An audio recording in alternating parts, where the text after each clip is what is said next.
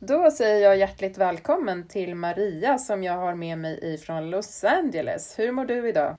Jag mår toppen idag. Hur mår du? Jo, jag mår ganska bra. Hur har du det? Jag har det bra. Tack, vi... tack för att jag får vara med. Ja, men du, det är jättekul att du är med. Men jag tänkte bara säga att vi försökte ju höras för ett par veckor sedan innan valet hade varit i USA, men det la vi ah. ner ganska snabbt. Ja, det var ju kaos, eller det har ju varit kaos här i LA på många, många, många plan. Men eh, ja, det var nästan till surrealistiskt skulle jag säga. Mm. Men vet du? och vara var mitt ibland det. Ja, och vet du, nu gör vi ett nytt försök tycker jag. Ja, jag tycker det. Det känns, det känns lite lättare nu i kroppen och själen. Härligt att höra. Ja, det är bra.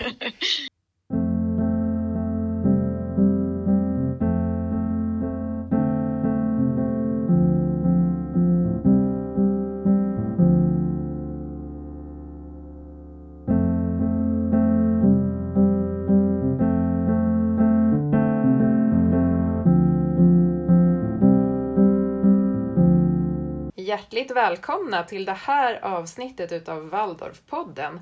Och med mig idag så har jag en gäst som kommer väldigt, väldigt långväga ifrån. Vem är det som jag har här med mig? Hej! Jag, jag heter Maria Isaacs och eh, jag eh, pratar ända ifrån Los Angeles, Kalifornien, USA. Echo Park, närmare bestämt, sitter jag i. Mm, vad härligt. Säger hej. Inte, ja, ja, precis. Det är inte alla dagar som vi har med oss någon eh, från andra sidan jordklotet. Men det är ju extremt Nej, roligt mitt, att man kan ha det. Men mitt hjärta är ju kvar på Idunskolan kan man ju säga. Hur länge har ni bott i USA nu då? Alltså vi kom i juli 2012 då flyttade vi. 4 juli eh, landade vi här i, i LA.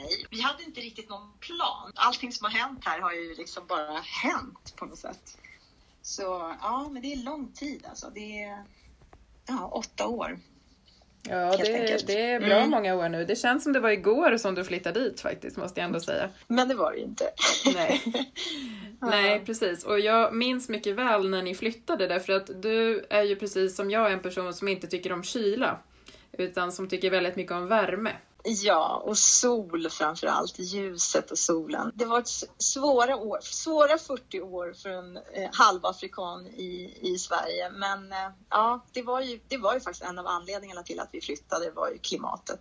Och här är det väldigt, väldigt härligt. Jag förstår det faktiskt. Igår, igår, var, det 26, igår var det 26 grader första december. Så ja, och strålande sol. Mm, det är inte säkert att alla så, lyssnarna mm. vill höra om det här men eh, du kan ju verkligen som man säger på engelska, rub okay, it in. Okay, förlåt, jag skojar bara. Ja. Jag har en fleecetröja på mig nu faktiskt. Ja, jag ser det. Det ser nästan ut som att det är lite kallt. Ja, men det är lite kyligt här nere på undervåningen. Det är inte det vi ska prata om. Nej, vi ska absolut inte prata om det. Men jag vill bara säga att även nu då om du flyttade just för att det, ni kände att ni vill komma till varmare breddgrader och så, så var väl det kanske inte hela orsaken bara? Nej, det var det inte. Det var ju... Nej, men vi ville prova någonting annat. Vi hade, men vi hade pratat om att vi ville bo i solen under många, många år. Vi ville ja, ha ett äventyr lite grann så vi, uh, vi tänkte att vi skulle prova att bo någon. Vi hade olika, vi hade olika destinationer på, på vår lista. Vi tänkte kanske Kapstaden eftersom det är där jag har rötter och där finns det Waldorfskolor och, och så. Men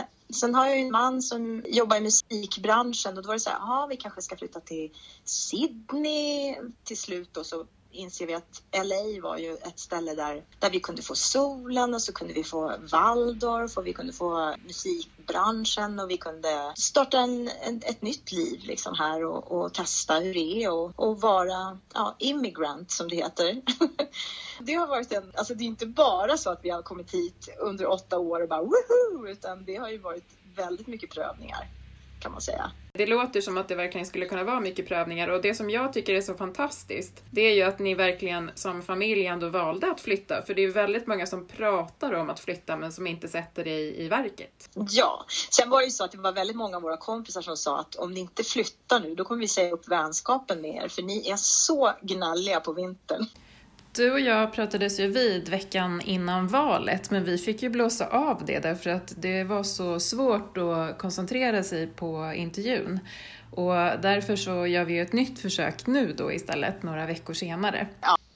Men nu är det ju i alla fall lite ljusare framtid som hägrar känns det som nu när, när Biden har vunnit faktiskt. Så vi hoppas ju på att saker och ting ska ja, förändras och få, få lite ljus på sig. Det känns väldigt bra. Och sen när man själv då är, när man är invandrare och inte kan rösta, man inte har någon rösträtt ännu i det här nya landet så är det, blir det ju också så. Man sitter på läktaren och bara ser allt det här hända. Vanligtvis så brukar vi ju inte prata politik i Waldorfpodden, men i och med att vi nu har med oss dig Nej, från Los Angeles så är det ju ändå viktigt att komma ihåg att att det här är någonting som har märkts av, inte bara såklart i USA men också i Sverige och många andra länder. Vi bor ju i ett av eh, USAs mest eh, blandade områden faktiskt. Så det, ja, men det har varit, man har inte märkt av det på det sättet utan det, det har bara, det kommer ju som, som ett brev på posten när det, när det börjar dra ihop sig att man är så här, nej men alltså det här,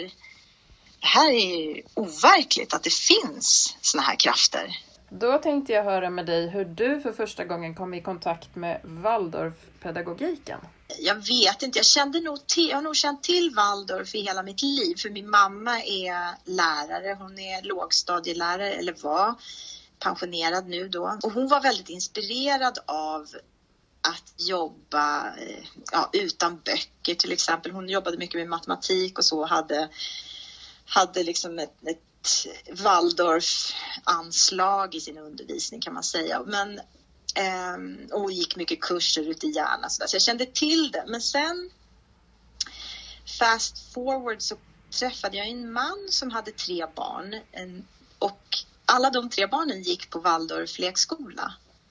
Så det var så jag kom i kontakt med Waldorf, för att jag såg de här barnen och tyckte att de var helt fantastiska och eh, såg också deras lekskola där de gick och man var så här wow, vad är det här? Det här är helt magiskt. Och sen så var det när den näst äldsta i kullen skulle börja i klass 1 så kommer min man hem och har haft ett eh, möte och träffat nya fröken. Och han berättar om den här nya fröken så där som på ett sätt som jag var så här wow, jag vill också bli en sån där fröken. Och eh, ja, efter det föräldramötet då som, som Kent hade varit på så kollade jag upp Waldorflärarhögskolan och tänkte så här, jag vill också bli Waldorflärare. Så skrev jag ett brev och ja, jag tror att jag kommer inte ihåg vilken liksom, tid det var på, på året och sådär, men jag började då på Waldorflärarhögskolan. Så det var så det började för mig, mm. kan man säga. Mm.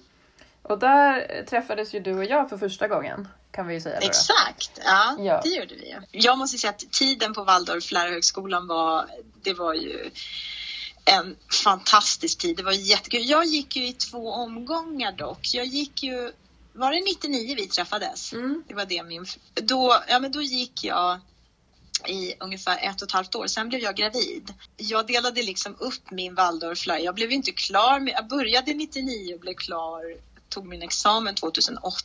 Så det, det var en lång period. Men emellan det så fick jag ju barn och började jobba på Idunskolan då under, liksom när jag var Ja, jag, jag kontaktade Idunskolan, eller den hette ju Nacka Värmdö Waldorfskola då. Jag bodde ute i Kummelnäs. Då höll de ju på att starta den, så jag, jag kontaktade dem och berättade att jag var Waldorflärarstudent och att jag bodde i Kummelnäs och att om de behövde någon som kunde komma ut och vicka sådär eller ja, hjälpa till eller få vara med så, ja, så lämnade jag min, mina kontaktuppgifter och då hörde de av sig och sen blev det så att jag under hela ja, graviditeten och, och, när Melvin var liten så var jag ju en del av Idenskolan där, fast jag inte var klar än med min utbildning utan jag hade bara påbörjat den.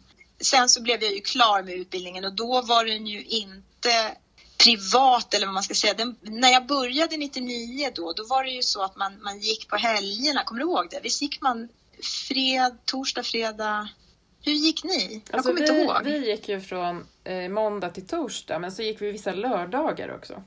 Ja, men exakt. Det var lite, den var lite, och det var privat, det var ju inte på lärarhögskolan nej, då. Nej, men det blev det ju sen. Men, Precis, och det var då jag gjorde klart min, min utbildning när den sen var under Lärarhögskolan. Jag fick dessutom min examen från Stockholms universitet under det året. Mm. Så jag har ju min ja, lärarexamen med Waldorfprofil, heter det ju då så fint. Mm, På, från, några... från, Stockholms universitet. Ja. ja, ni är ju några lyckostar som lyckades med det då, kan man ju säga. Ja, ja precis. Det... Jag tajmade in det där ganska snyggt. Ja, ja. precis. Ja, nej, men så, så, så kom jag i kontakt med Waldorf via, via barnen. Sen så min egen lärar, lärarutbildning och lärarjobb. Främst på Idunskolan har jag ju varit i mm. Sverige. Vi kanske ska nämna också att vi även, jag sa ju det att vi lärde känna varandra under utbildningen men vi jobbade ju sen också ihop på Idunskolan ett par år. Ja, det gjorde vi och, och jag lyssnade ju på den här fantastiska podcasten med Fredrik. Ja, vi har också och, haft med eh, Linda som har jobbat som lärare där också. Mitt hjärta svämmar ju över för jag känner ju också, det var otroligt kul tid där på Idunskolan i början när vi stod på Kolgården ihop, ihopträngda i klassrummet jobbade med de här härliga barnen. Jag vet mm. inte vad det är med Idun, alltså det är så härliga ungar där. Ja, men det är. Det är det fortfarande, säger jag som jobbar där just nu. Ja, ja, det, ja, det är så Men jag klart. kan också intyga att det är väldigt härliga ungar på många andra skolor också. Ja, såklart. Ja. ja, men det är mm. roligt att du ändå har hängt i och sådär. Men nu när du har kommit till USA, kan du liksom fortsätta att jobba med Waldorf eller har du fortsatt att jobba med Waldorf där? Ja, när jag flyttade, jag sa ju det, vi hade inte riktigt någon plan, men lite plan hade vi, för jag hade faktiskt gjort en uh, Skype-intervju innan, innan vi flyttade och fått jobb på på Waldorfskolan här eh, i närheten som heter Pasadena Waldorf School. Så via Skype så hörde jag av mig till dem och sa att vi skulle flytta hit och att jag var Waldorflärare och då fick jag jobb som eh, lärarassistent när vi kom, alltså 2012. Så jag jobbade i klassrummet med två stycken erfarna Waldorflärare och även gjorde jag lite på lekskolan så där lite ja, vikarierade. Men det första året så var jag alltså på skola och hade Waldorf-assistenttjänst. Så det, det var det enda planen vi hade. Men sen, och det första året när jag var där, det var ju, det var ju otroligt mycket nya saker som hände för oss som familj. Det var inte helt lätt kan jag säga. Och det var väldigt annorlunda att vara på en, i ett amerikanskt sammanhang, alltså att vara, eller överhuvudtaget liksom att lämna Sverige och ha det, det jag kom från. Då jag var ju, alltså innan vi flyttade var jag ju klasslärare på Idunskolan och jag hade eh, mina elever, de kallade ju mig, de gav mig ett smeknamn, Marre. Jag heter ju Maria, alltså Mar Marre, fröken Marre.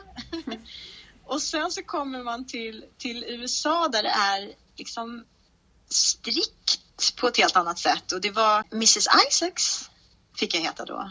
Så det var mitt lärarnamn och det var, det var svårt att vänja sig vid, verkligen. Jag har ju bara erfarenhet från en Waldorfskola här, så jag kan ju inte svara på att det är så på liksom Waldorf i USA. Jag kan verkligen inte dra allt över en kam, men eh, för mig var det en utmaning att det var liksom en auktoritär lärarstil på ett annat sätt än vad jag var van vid från Sverige. Det låter som att det var ganska mycket att tänka på då, som du säger, just det där att det blev så formellt och så. Men kom du liksom ändå nära barnen och så? Det var ju också en utmaning, språket, att man Ja, man är, ju, man är ju bra på engelska som svensk när man kommer hit men det är ändå så att det tar väldigt lång tid att behärska språket på det sättet att man är trygg med Och med barn också, det, det var en intressant ett intressant hinder det här att man har den engelskan man har lärt sig är ju ändå så här vuxen engelska men att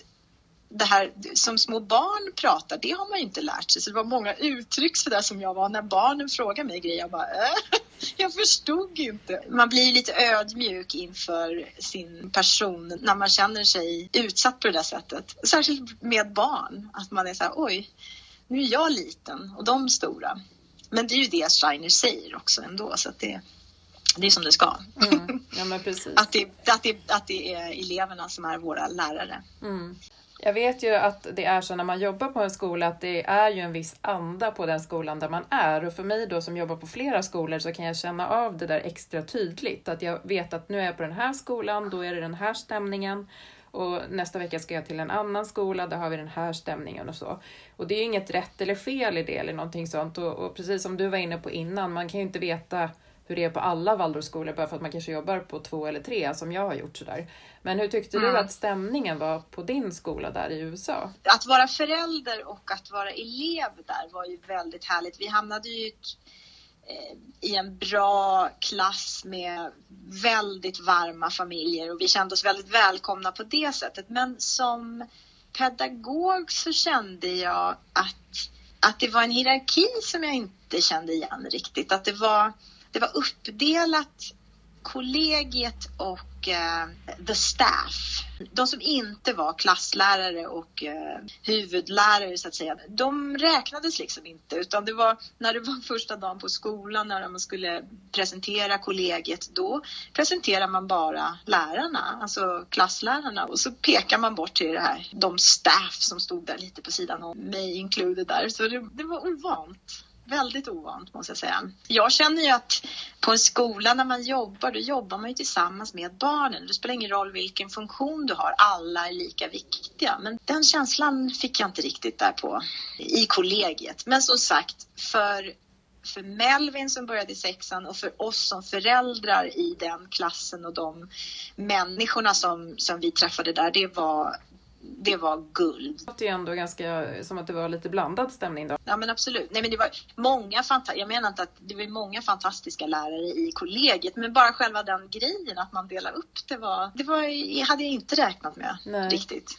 Jag kan mm. känna igen det där från när jag gick i Waldorfskola i Tyskland. Jag gick ju mitt sista år på Waldorf, det tolfte året så var jag Jaha, i Tyskland mm. och gick där. Och där var det ju också, eller är det ju också så precis som i USA, att man inte får säga förnamnet till läraren utan man måste säga efternamnet och herr och fru och så vidare. Jag kände igen det där som du berättar nu, att, att det var just en hierarki mellan liksom, alltså att lärarna såg ju såklart högre i rang än eleverna. Men ja, även inom, inom mm. kollegiet eller bland lärarna så kunde man se att vissa stod lite högre i rang än andra och sådär. Mm. Och det kan jag känna i mångt och mycket att, att det är skönt att man har liksom, eller om i alla fall man har lyckats jobba bort det på skolor så är ju det väldigt, väldigt bra. Mm. Men det är inte säkert att man har gjort det på alla skolor. Det kan ju finnas en, en viss hierarki kvar även här i Sverige. Så. Men att eh, jag kan se det tydligare i, i skolor utomlands. För jag gjorde också min praktik i Liechtenstein och där var det likadant. Ja, så det finns Waldorfskola i Liechtenstein också? Jajamän. Det är ett liv. Oj, oj, oj. Ja. Den är jättetrevlig. Ja, det kan jag tänka mig. Ja, ja. Dit får du åka någon gång. Jag tänkte fråga dig vad som händer, liksom, eller du hade ju jobbat där ett år inledningsvis då i alla mm. fall. Sådär. Men vad hände sen då? Ja, och då egentligen så borde jag backa bandet då till precis två dagar efter jag landade här i, i USA, i LA, så fick jag, eller jag hade fått också, det var också via då, via Eh, Facebook och Messenger som jag hade haft kontakt med en, eh, en tjej här i LA som, som är svensk som heter Helene Johansson. Och hon, hon jobbar på Svenska skolan i LA och Svenska skolan i LA är ju bara en, liksom, en dag i veckan. Man har på tisdagar så har man undervisning och de då, alla det finns ju svenska skolor lite överallt här i, i hela USA och då hade de en konferens som var förlagd i LA för alla svenska skolor i hela Nordamerika och då hade hon hört talas om mig via, via Kent som hade varit här. Eh, det är också en rolig detalj. Jag flyttade ju till LA utan att ens ha varit här. Det är Någonsin. helt galet, ja precis. Ja. jag vet, jag vet. Uh, jag säger som Steiner, I live out of pure trust. Ja, det var, det, det var verkligen, ja. Då frågade hon mig om jag kunde göra en liten föreläsning om hur man arbetar på Waldorfskolor vad, liksom hur metoden är och så. Och jag var sådär, ja men visst det kan jag göra. Och jag hade jag knappt alltså landat, jag tror att det var två dagar efter, jag hade fortfarande jetlag, så blev jag då inbjuden till ett eh, hotell nere vid, vid stranden i deras sådär stora lokal så hade de, stolarna stod på rader och så var det liksom sådär klassisk föreläsningslokal och jag var så här, nej nej nej, jag måste, jag måste möblera om här i så fall om jag ska hålla föreläsning. Så jag gjorde, ställde alla stolarna i en cirkel och sen så ja, fick jag fria händer då i, i eh, 40 minuter eller vad det var och, och berätta om hur vi gör på Waldorf när vi undervisar. Och då gjorde jag ju, jag gjorde ju lite rytmisk del då helt enkelt som är mitt favoritämne i skolan, rytmisk del. När man, när man är i en cirkel och ser på varandra och sjunger. Alltså, va? Det är det bästa som finns. Ja. Och, det, och, och, då, och det var ju då vuxna och det var lite, lite äldre herrar från Skolverket som var inbjudna och det var liksom det var en blandad publik kan man säga. Inte små härliga barn utan det var, det var vuxna.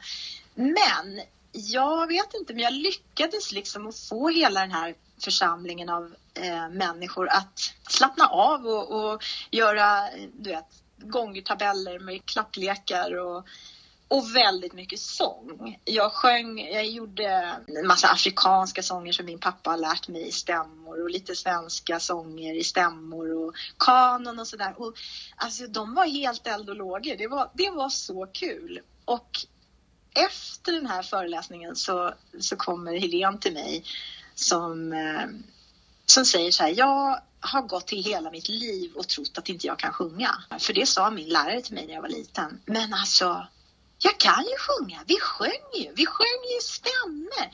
Alltså Maria, du borde, hon, är, hon, är från, hon är stockholmare så bara sjunger om det. Alltså du borde starta en kör, säger hon till mig då. Det där fäste ju lite grann på mig att så här, jag började förstå att den här, det är så många som inte får uppleva det där. Som tror att de inte kan och som tror att det är... Men det, jag, jag tycker det är en mänsklig rättighet att, att sjunga och särskilt tillsammans. Det utvecklade ju en sida hos mig som, jag, som har blivit, ja, som har eskalerat här i, i LA. Jag har haft den där kören då. Vi startade kören, hon och jag, mm. Helene, 2014 och sen har vi haft den hela tiden fram till ja, mars 2020. Du fattar, precis innan, innan själva covid slog till hade vi vår sista eh, körträff. Det var en lång harang av prat. Fick vi med allting nu? Inget vi fick som med laggade. allting, men, men min ursprungliga fråga var ju vad som hände sen. ja. Detta då, denna då föreläsning som jag gjorde, i, den, den gjorde då att jag fick jobb på Svenska skolan som jag, jag var musiklärare där en dag i veckan. Man kan säga så här, jag slutade, jag, jag fortsatte aldrig på Pasadena Waldorf School utan jag slutade där av många anledningar. Men det var också så att jag, jag fick erbjudanden också om att komma till en eh, Waldorf-lekskola som är belägen ganska nära Pasadena Waldorf School. Men den är, det är en eh, ska man säga, Waldorf-inspirerad förskola. Den drivs också av en kvinna som, eh, som heter Kikansa Ramsey Ray som har varit väldigt politiskt aktiv i hela sitt liv i social justice-rörelsen.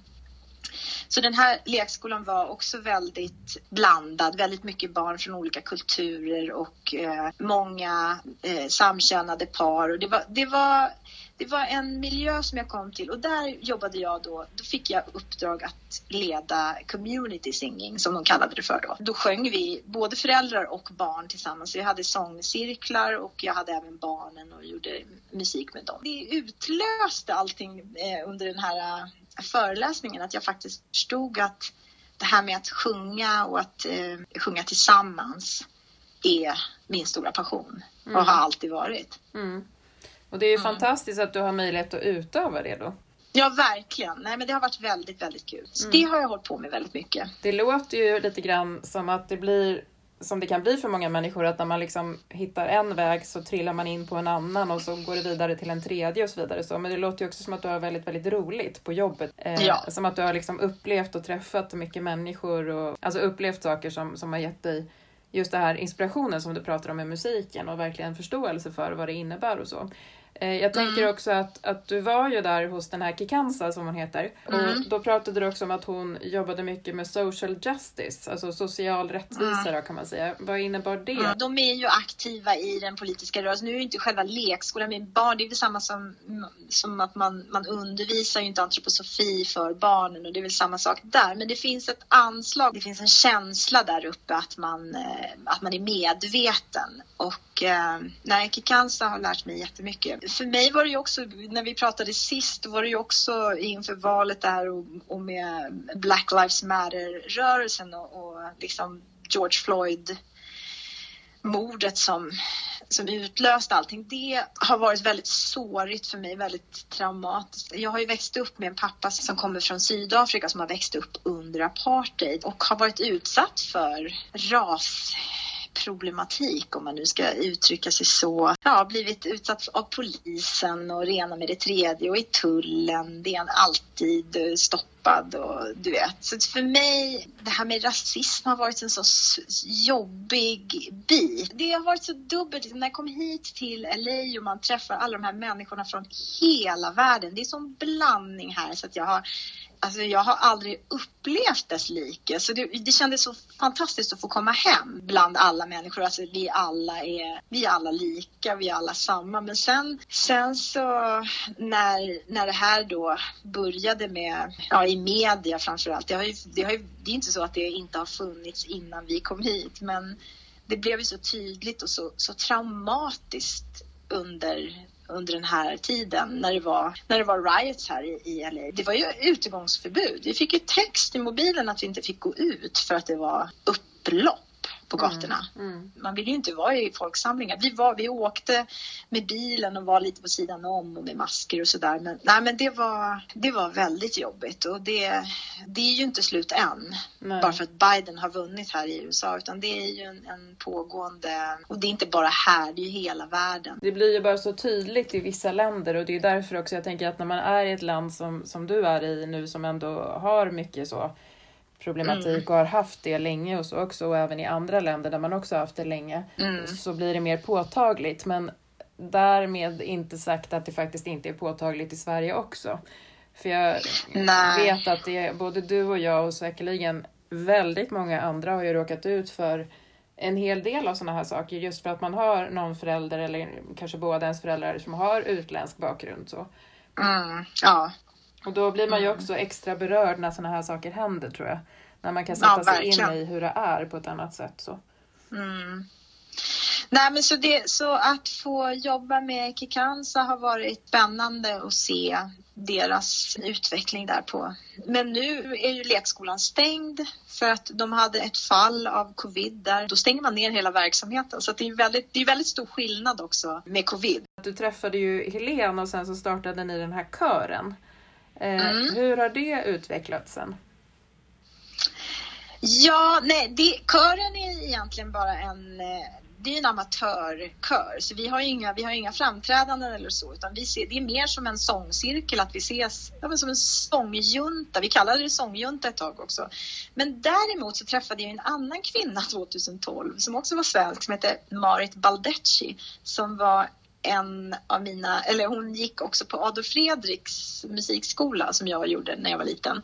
Och hon, hon däremot hade gjort under massor med år så hade hon då varit musikalisk ledare för ett Lucia-tåg som var varje år här i LA. När man gick på Adolf Fredrik så var ju Lucia det största som hände under hela året och det var helt magiskt. Det var ju för vår del då, för min klass och min, min körklass som vi hade, vi hade Lucia-tåg i Hedvig Eleonora kyrka på Östermalm. Känner du till den? Absolut.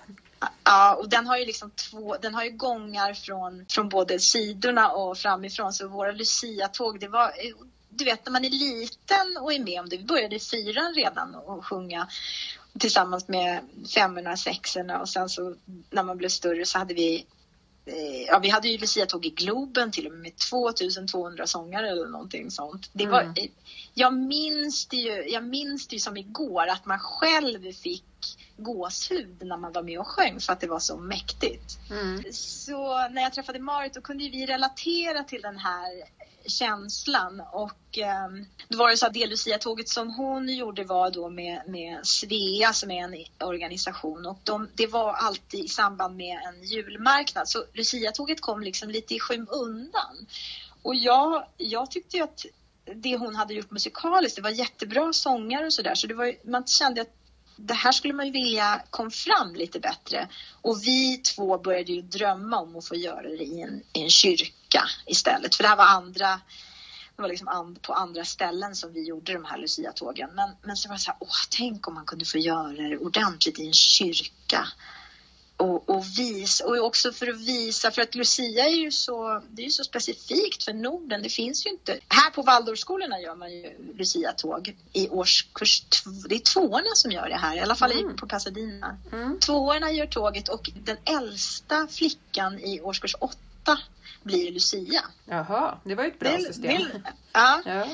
Det är lite, ja, det är lite annorlunda. Men eh, en del kände ju till Lucia, men jag tänkte så här, men här, alltså här, det, det skulle ju vara så fantastiskt att få göra, visa Lucia ordentligt här i Änglarnas stad. För att det, i min värld så tänker jag så här, det här kommer ju, det här är ju succé. Det är ju fantastiskt och de här ljusen och hela, men hela Lucia som symbolik, eller symbol för, för ljuset, för hopp och sen för att hon är en tjej. Jag har ju så stora planer på att Lucia skulle vara en eh, nationell högtid i Sverige, att det skulle vara röd dag för att det inte finns några, det finns ju inget som firas för kvinnor. Allt är ju, det vet vi ju, det är ju mansdominerat. Så jag tänkte så här, ja men Lucia är vår största och finaste högtid i Sverige. Ja, men så vi drömde om det där. Så förra året så träffade jag eh, prästen här i, i LA, Hasse Bratt, på en fest och hans fru Viveka. Och så, och så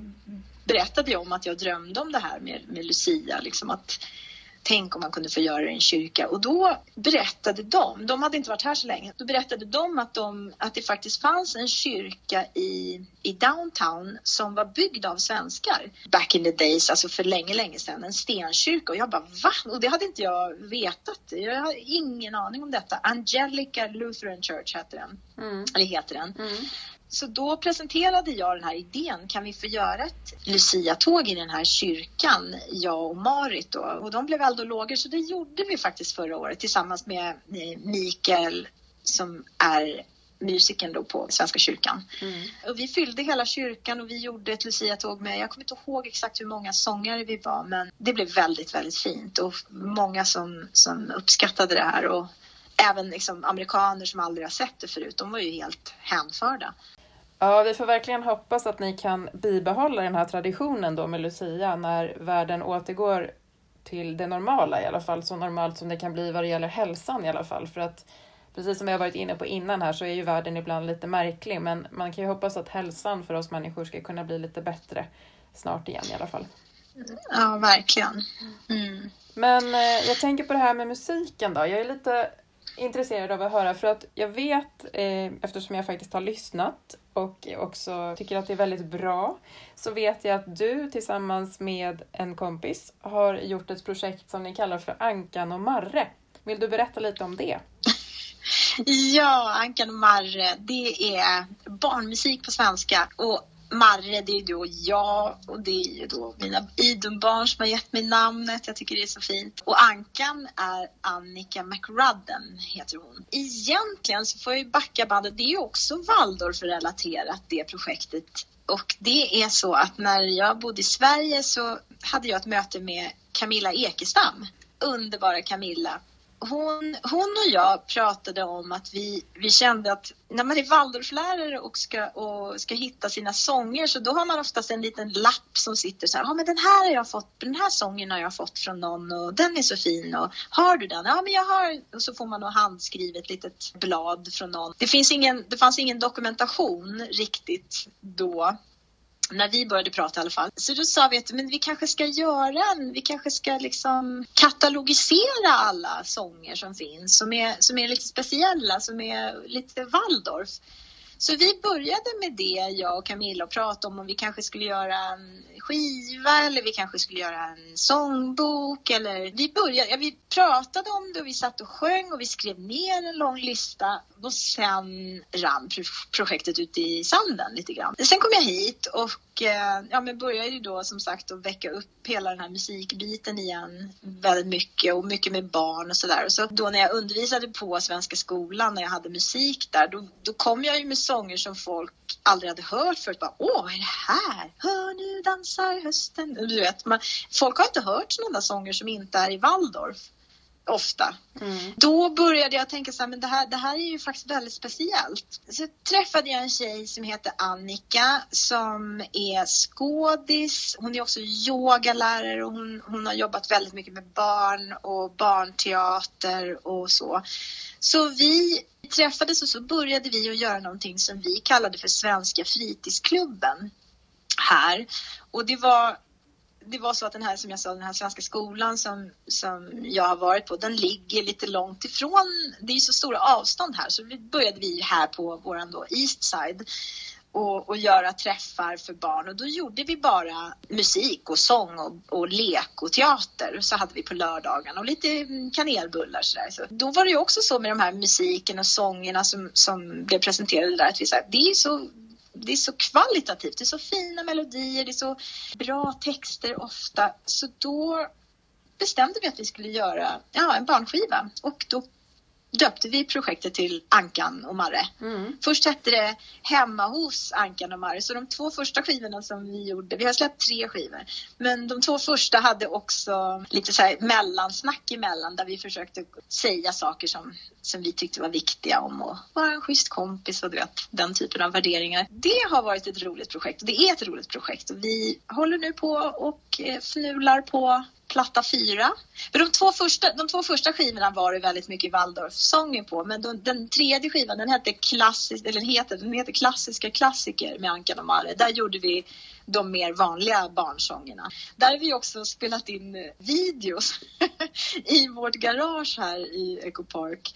Vi har gjort allting själva. Vi liksom backdrops, all kostym och allting är så återvunnet material och, och hemmasnickrat och sådär. Men vi har haft superkul. Det är jätte, jätteroligt. Ankan är helt underbar. Ja, man, man märker det också när ni, när ni visar upp er, alltså både i de här videorna, eller videos kanske man säger, eh, ja. som ni har gjort så tycker jag att ni verkar ha väldigt roligt, men också när ni sjunger så hör man ju att ni tycker att det är jätte, jätteroligt.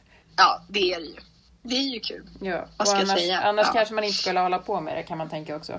Men ja. jag tänker att du har ju också ett eget projekt nu eh, som jag i alla fall har tagit del av och som jag vet att många andra inom Waldorfvärlden har tagit del av. Och det är att du ungefär, skulle jag säga, kanske någon gång i veckan sådär, brukar dela på, eh, eller ett Instagramkonto som du har så brukar du dela Ja, en just sång. det. Ja. ja. Ja. men det var ju också så här med, med kören nu. Min, La Kör heter den här kören som jag, prat, som jag har pratat om tidigare. Den, ja, men eftersom man inte får ses så jag fick för några år sedan i födelsedagspresent en loop station som det heter.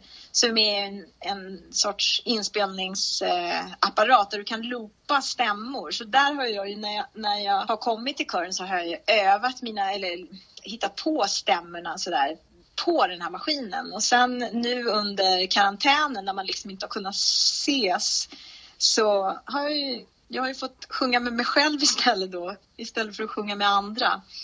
Så då har, jag, då har jag gjort det. Och sen så fick jag feeling och gjorde ett Instagramkonto och det, först delade, vi har en Facebookgrupp som heter Lakör så den har, där har jag delat. Men sen var jag så här, ja men mamma tycker så mycket om det här och pappa så då har jag liksom försökt att de är ju inte medlemmar i min kör så då, då tänkte jag så här, jag gör ett Instagramkonto. Så det är en influencer, jag har ju 150 tror jag followers. Oj, oj, oj. Och så dessutom det, nu när du la upp, du la ju upp det i Waldorf Forum såg jag, så då kanske du får några till då. Ja, ja. Och kanske också efter jag det här vet. avsnittet, vem vet? Ja, precis. Nej, men ja, det är ju det är också så här det är ju en övning i att släppa perfektionen för det är ju också, det är också en, en svår bit när man gör såna grejer när man utsätter sig för att vara på film. För jag, jag jag vet inte, jag gillar ju att sjunga men det här att stå framför kameran är inte... Det är kul med Ankan när vi håller på och larvar oss men när man ska vara seriös så är det svårare. Men jag, men jag försöker och jag försöker att göra...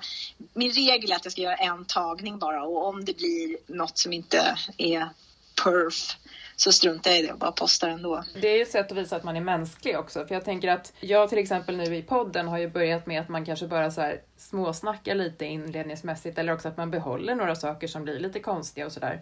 Att det inte gör ja. så mycket faktiskt, för livet är inte perfekt. Det, det är bra när det blir lite skavanker här och där tycker jag. ja, nej, livet är inte perfekt. Det är inte meningen att det ska vara perfekt nej. heller. Nej, men så det, det kontot eh, heter då Marre Singalong. Så, men jag tänker att man kan faktiskt få inspiration och hitta sånger. För jag har ju också förutom då Waldorf och förutom att jag går på AF så har jag ju också sjungit sen jag var liten tillsammans med min pappa som, som jag sa tidigare kommer från Sydafrika. Och han han har ju lärt mig massor med sånger som han har skrivit och som han har fått från andra. Och då när jag var liten och på 70-talet då var ju, då var han ju ute och spred anti-apartheid budskapet. Så de flesta sångerna är ju såna här frihetssånger från Namibia och gud vet allt. Många, många språk och många, och de flesta vet ju inte vad det är för språk men jag försöker. Jag har en kusin i Sydafrika som brukar berätta sen efteråt vad det är, vad det är jag har sjungit. Ja. Ja men det är härligt. Jag hoppas att vi eh, kanske kan få med något klipp eller två så att eh, de som inte vet vem du är än riktigt så kan få upp ögonen för dig och din musik, men också kanske för Ankan och Marre då. då. Varmt välkomna! Du är ju lite av en mångsysslerska måste man ju säga ändå, därför att du håller ju inte bara på med musik och har jobbat som Waldorflärare och haft många andra projekt igång och så. Du, du gör ju också armband, vilket jag tycker är väldigt häftigt att du håller på med. Vill du berätta lite om det? Ja, nej men jag gör armband eh, i, i läder i mitt garage också. Även, här, även de gör jag i garaget. Eh, det är alltså handskrivna påminnelser egentligen. Min webbsajt heter I am a reminder. Alltså man måste påminna sig själv hela tiden om, om vissa saker som man glömmer bort. Så, jag, så för mig var det så här, jag vaknar på morgonen och jag tänker goda tankar men sen går dagen och så kommer man liksom kommer man av sig. Man glömmer bort. Det gäller ju hela tiden att påminna sig om vad som är viktigt, vad som är påminna sig om ljuset helt enkelt. Och det är det är egentligen mina armbands syfte. Att man ska bära dem och man ska komma ihåg under dagen. Just nu bär jag två stycken och på det ena står det I am enough. På det andra står det expansion. Och det är ju expansion för mig betyder att jag vill vidga mitt hjärta och kunna älska mig själv och andra så mycket som det bara går. Det är inte alltid lätt, men man, man jobbar ju med det hela tiden. Själva produkten som är ganska simpel, den ser ju ganska simpel ut, men den har jag ju då, jag har designat den och jag har jag skriver för hand, jag skriver, jag älskar att skriva för hand. Jag tycker hand, det handskrivna är det är en konst som håller på att dö ut och som vi, många människor inte längre behärskar. Men, det, men jag tror att det är jätteviktigt att använda handen och skriva som vi gör i Waldorfskolan. Jag eh, har en laserskri, laserprinter här i garaget och så. Jag har lärt mig väldigt mycket om om saker som jag inte kände till överhuvudtaget om och fått lära mig hantverket kring läder och sådär. Så det, det, det har varit en, en kul liten sido, ett sidospår. Mm. Men samtidigt, jag har en, en Steiner reminder faktiskt som är från, också från Tillitens bön. Tillitens bön har faktiskt betytt väldigt mycket för mig här och i mitt liv, även innan. Men, men ehm, då är det den, den här raden I live out of pure trust som, som jag har i, i min kollektion. Jag har väl kanske 50 olika reminders, påminnelser. Tanken är att alla ska kunna bära dem, både små och stora och killar och tjejer och mittemellan. Ja, precis. Mm. Ja, de är ju väldigt fina. Jag blir ju väldigt imponerad måste jag säga. För, för mig är det ju lite av ett hantverk det du håller på med också. Ja, tack snälla. Så det är ju ja, de... också verkligen någonting som har med, med oss i Waldorfskolan att göra. Att det är inte bara eleverna som håller på med hantverk utan vi lärare gör ju också gärna det. Lite sådär ja. vid sidan om, många av oss. Ja, absolut. Nej, men den biten, den biten på utbildningen måste jag säga var ju eh, oerhört spännande och fantastiskt att få prova alla dessa hantverk och stenhuggning och keramik och textil och allt sånt. Mm. Magiskt. Ja men mm. verkligen. Man kunde ju njuta av det på ett helt annat sätt än vad man kunde själv när man gick i skolan. För då var det ju liksom någonting annat sådär. Men att, att vara vuxen och få ut, alltså just göra hantverk och använda händerna, det är ju någonting annat sådär. Ja. Ja, jag hade inte lyckan att gå en Waldorfskola som liten men, men äh, har fått det nu i, i vuxen ålder så att det är ju Ja. ja, du får ja. tänka att du tar igen det nu helt enkelt. Så. Jag tar igen det nu, precis. precis. Det är verkligen mm. det du gör. Nu har ni ju bott i LA i åtta år. Känner ni fortfarande sådär efter åtta år att ja, men här är platsen vi vill vara på, här vill vi bo och här vill vi liksom arbeta vidare? Idag, nu när jag sitter och tittar ut här genom fönstret så känner jag ju så att jag vill vara här ett tag. Men jag kan inte säga, jag menar nu, nu är det så att eh, livet är ju föränderligt och jag och Kent och Gittan, vi väntar ju barnbarn Ja. i slutet av januari. Ja. Så då kommer ju saker och ting förändras. Men, eh, men som det ser ut nu är vi kvar här, vi, vi två, Kent och jag. Eh, sen har ju vår yngsta son då, som jag pratade om tidigare, Melvin, han har ju flyttat till Chicago. Så det är ju, allting är ju nytt och det är väldigt nytt, alltså bara några, det är ju bara några månader som vi har varit empty nesters, som det heter här. Och vi, eh, ja, vi får väl se vad som händer. Mm. Men vi trivs. Vi har, vi har ett bra gäng här som vi, som vi inte träffar nu då, då men som vi brukar hänga med. Så att, ja, Mm. jag tror vi blir kvar ett tag. Vi får se. Det är en sak som jag tänkte att jag skulle vilja avsluta med, som jag också vill dela med mig av. Och det är, jag vill slå ett slag för tillitens bön. Mm.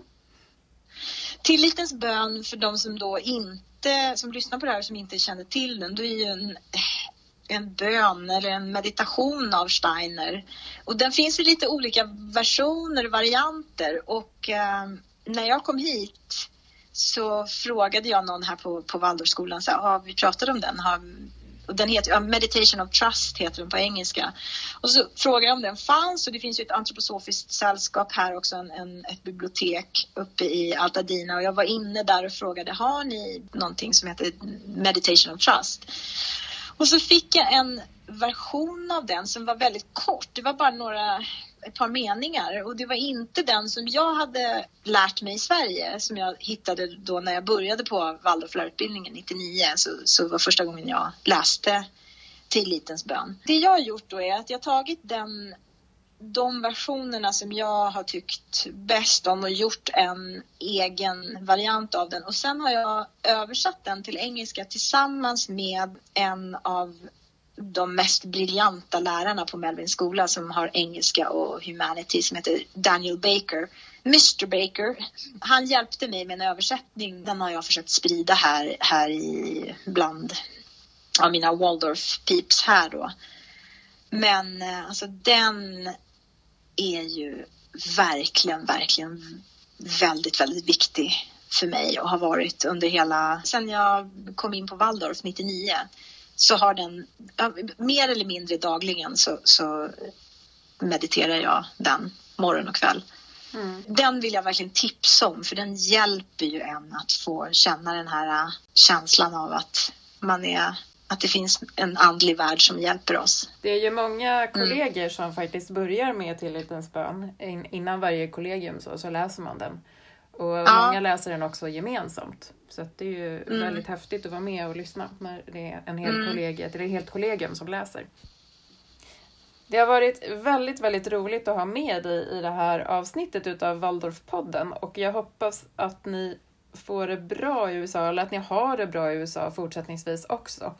Tack så mycket. Tack för att jag har fått vara med och jag hoppas att du gör ett bra jobb nu när du klipper och du klipper bort alla mina liksom och alla mina Dolph Lundgren svenska uttryck.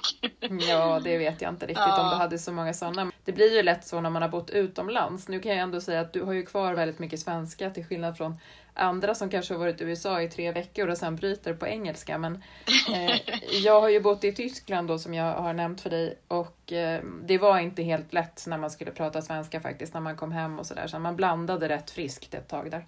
Men sen, Ja. sen blev det lättare kan man säga också. Ja, nej men det, det, det är som det. Det här är min första podcast som jag är med i. Vad ska man, vad ska man förvänta sig av det? Man gör sitt bästa. Man gör sitt bästa Eller och nu får du Ja. fira att du har varit med i din första podcast. Det är inte helt illa. Det, sk- nej, det ska jag göra. Det är Verkligen. stort. Så då får du sätta dig på din härliga veranda och eh, njuta av det varma vädret. Och tänka på oss här hemma i kylan. Ja, jag ska sola mig lite åt Ja. dig också. Ja, det får du verkligen göra. Jag Ja. längtar till sommaren när jag såg eh, hur härligt ni hade det där när du visade bilder förut. Ja, nej, det, det är verkligen härligt med solen. Men den kommer, den kommer snart Mm. till, till Stockholm också. Det gör den definitivt. Stort Ja. tack återigen för att du var med och ta hand om dig så hörs vi en annan Ja, gång. tack själv Jessica och tack för att du gör det här och sprider vår fantastiska pedagogik över världen, eller i Sverige i alla fall förhoppningsvis. Ja, jag Mm. hoppas att det är i alla fall några som lyssnar och som tycker att vi ska fortsätta med det här. Det tycker jag. Det är bra, då Absolut. har jag en lyssnare i alla fall. det har du många, många fler. Ja, det, det hoppas jag. jag. Ja. Tack mm. så mycket. Tack snälla. Hej. Hej.